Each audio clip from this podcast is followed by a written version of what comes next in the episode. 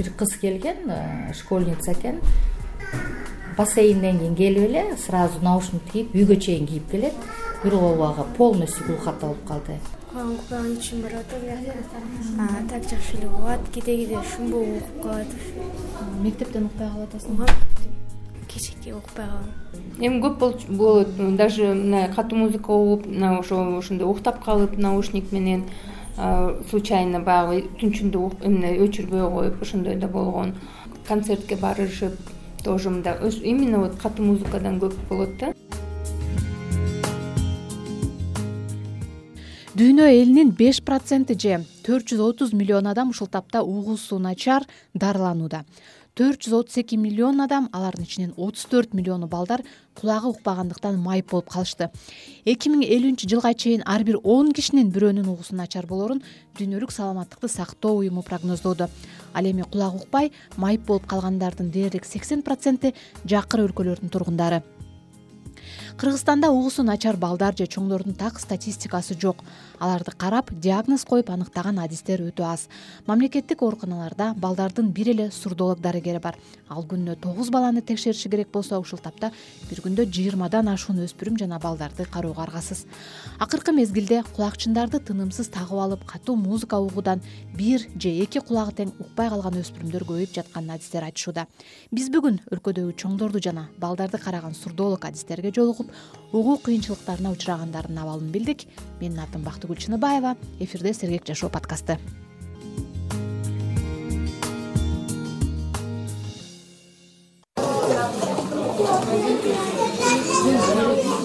Он үч жаштагы амина апасы менен токтогулдан бишкекке таң атпай келип баш каладагы спорттук медициналык борбордун узун коридорунда дарыгердин келүүсүнөн эки саат мурда кезекке турду амина сыяктуу апасын ээрчип келип ага чейин коридорго толуп калган жоон топ жаш балдардын айрымдары кээде нааразы болуп апасын беймазага салып ыйлап да жиберишти. Акыры зарыгып күткөн дарыгер келгенде эне кыз кудуңдап аны менен кучакташып учурашкандан соң текшерүүгө киришти аминанын апасы назгүлдүн айтымында алар ар бир үч ай сайын эле бишкектеги жалгыз сурдолог дарыгердин кароосуна келүүгө мажбур телевизорго кулагын тосуп калат экен бала анан биринчи жылы доктурга барып көрсөтсөк токтогулдан келдик биз. Көрсөтсөк кулку толуп калыптыр деп тазалап берген да. Көзү ошондой эле эме кетиптир да билбейбиз да эми биз. Анан укпай калат деп түшүмө деле кирбейт экен анан. Кийинки жылы дагы ушинтип калды бала. Анан дагы алып бардык дагы алып барсак эме кулку деле жок экен. Эмне мындай причина десек анан ушул эжеге жөнөтүштү да. Токтогулда жок бекен же токтогулда эме лор бар. Просто эме жок. Бизде лор бар. А бизде мына аппараттар жетишпейт токтогулда эң эме эң эле простой жанагы массаж бар эжедечи ушул да аппарат жок да биздечи.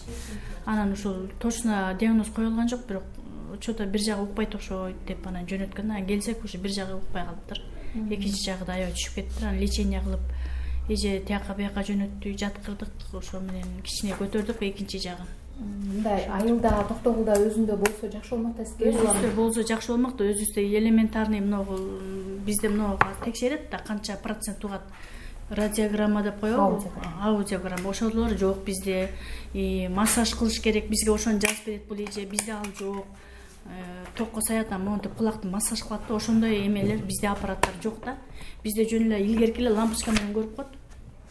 Анан кулакты көрөт турган эмелер бар ошондойлор менен эле көрөт. Жылына канча жолу келесиз? Э, жылына оорузак үч айда эле келип калабыз. Эженин тынчын алабыз эметпей калдык укпай калдык кулагы бүтүп калды деп үч айда эле келебиз. Ар кандай анан жакшы болсо өзү алты айда бир келишибиз керек.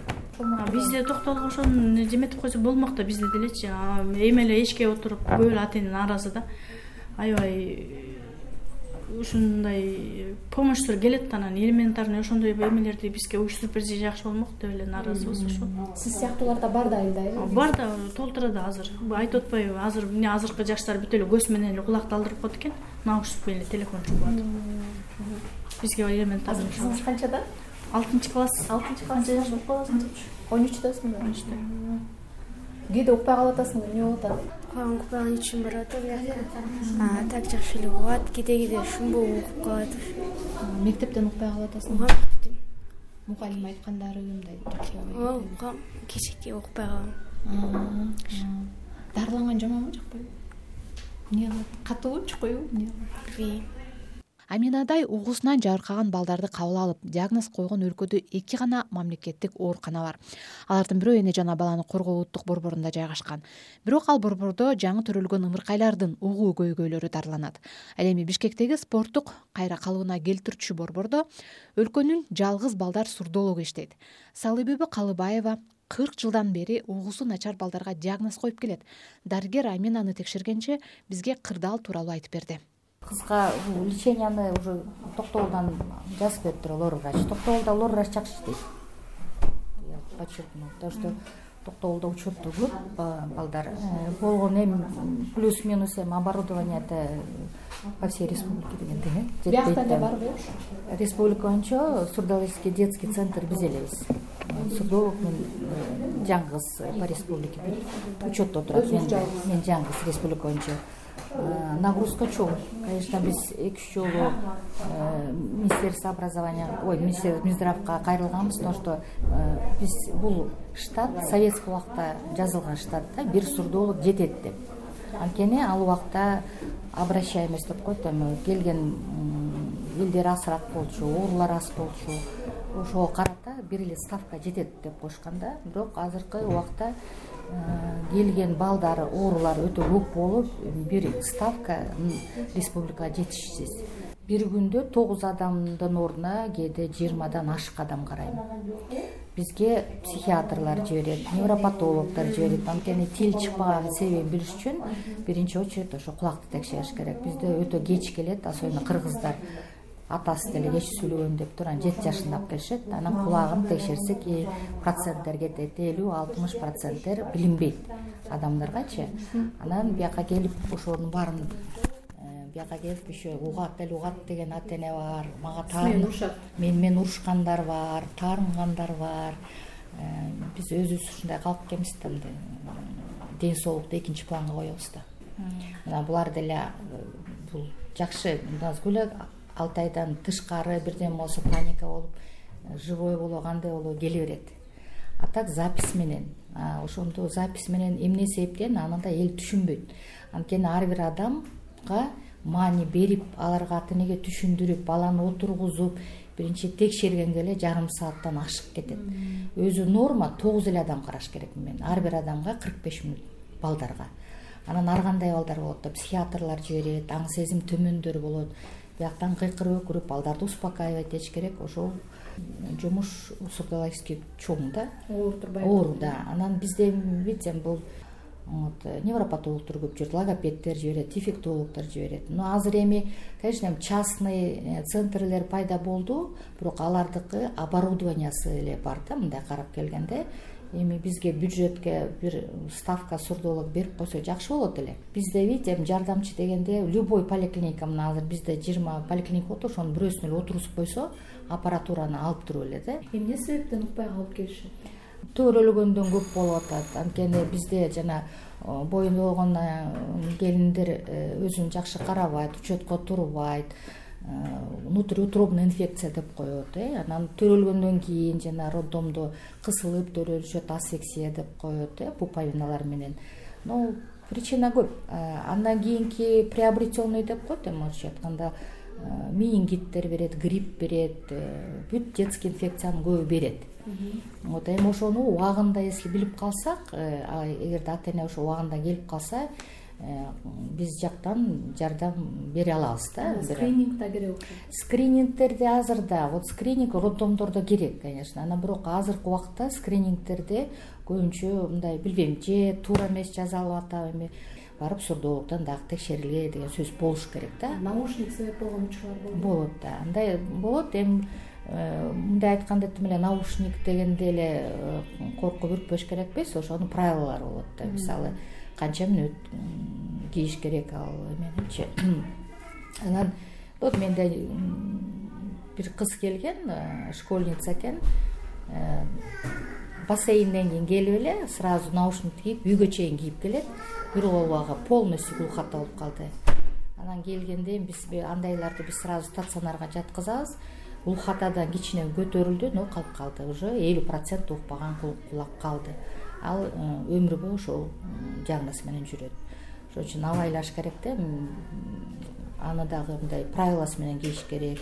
А то бизде көбүнчө мындай дагы бир орус бала келаткан мага э, көлдөн түшүп бияка чейин кийип келеби анан ошо менен э, кулагы бирок аныкын жакшы кылып бердик да вот биз көбүнчө бизде кулакта мындай маани беришпейт мисалы көзгө көбүрөөк беришет да.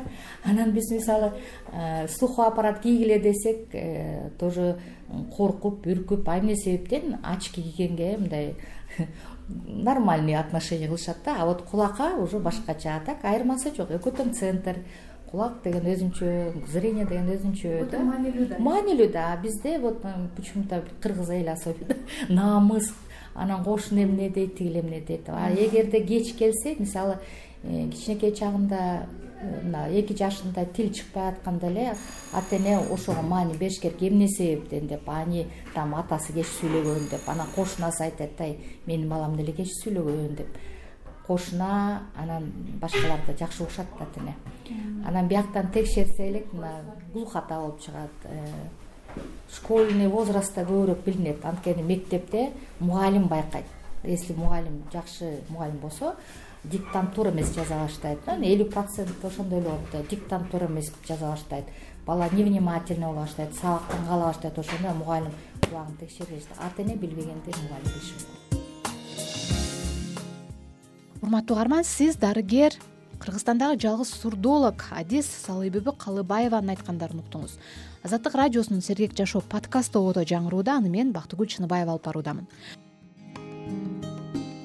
Баладагы кулактын угуусун анын сүйлөө жөндөмүнөн байкаса болот. Угуу көйгөйү убагында аныкталбаса сүйлөө речи да өнүкпөйт жүрүм туруму начар болуп билим алууда кыйналат. Кулагы начар уккандар коомдо дискриминацияга учурап татыктуу айлык акысы бар ишке орношо албай кыйналышат.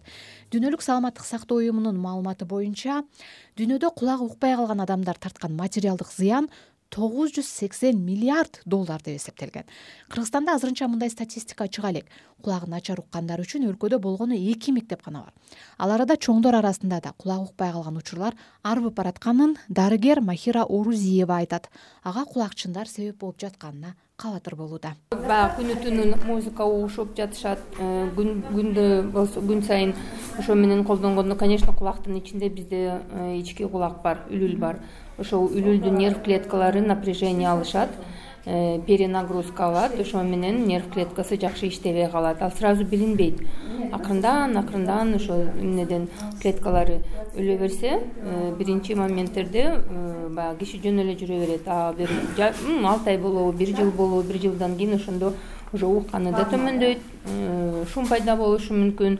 Это не обязательно но ошо болот. Анан уже конечно баягы бизге каралганда уже хроническая форма болуп калат тугоухости хроническая форма ошо нерв клеткалары восстановления болбойт. Если бир жуманын ичинде обычно вот острая форма э, если киши кайрылып лечение алса анда нерв клеткалары еще как то ордуна келип жүз процент болбосо деле какой то процент э, эмне лечение э, лечение жардам берет да. Бул проблема азыр именно баягы основной важный дегендей көп нерселер именно ошо наушниктен кетип атат. Жаштар көбүнчө келет баягы он төрт он беш он алты жашда чоңдор деле келишет. Мындай болот да например чоң кишилер например ошо наушник менен иштегендер бар операторлор бар дагы профессиональный баягы эмне дегендей да ошо алар деле эми айла жок э, ошо наушник кийип иштегендер алар тоже получается сегиз саат иштейби значит сегиз саат наушник менен отурат да. Алардыкы деле ошондой эми эки жыл иштейби үч жыл иштейби анан все равно келет айтат ошондой ошондой кулактарым э, жакшы укпай атат же ооруп калыптыр же дагы бирдеме деп кайрылышат да дейт дарыгер махира орузиева. Дүйнөлүк саламаттык сактоо уюму кулак саламаттыгы үчүн төмөндөгүдөй бир нече кеңеш берет. Кулакка башына пахта оролгон таякча катуу уштуу нерселерди тыкпаш керек. Кулакчындарды башка бирөө менен чогуу колдонбош керек. Себеби кулакчын аркылуу кулакка жугуштуу оору жугушу мүмкүн. Кир сууда сүзгөнгө же жуунганга болбойт. Музыканы катуу угууга болбойт кулакчын менен уктаса да болбойт. Кулакчын менен иштеген адамдар ар бир эки саатта кулакты эс алдырып турушу керек урматтуу угарман сиз сергек жашоо подкастын уктуңуз. Биз бүгүн кулак саламаттыгы тууралуу сөз кылдык. Кийинки берүүлөрүбүздө туузду ашыкча колдонуунун ден соолукка тийгизген таасири тууралуу сөз кылабыз. Подкастты мен бактыгүл чыныбаева даярдап алып бардым. Оорубаңыз.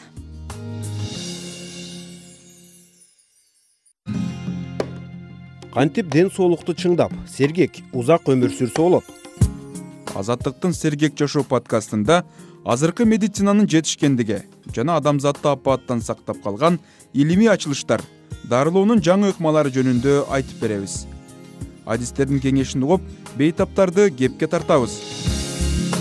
Сергек жашоо түрмөгүн apple google spotify аянтчаларынан youtубедан жана азаттык чекит орг сайтынан угуңуз. Оорубаңыз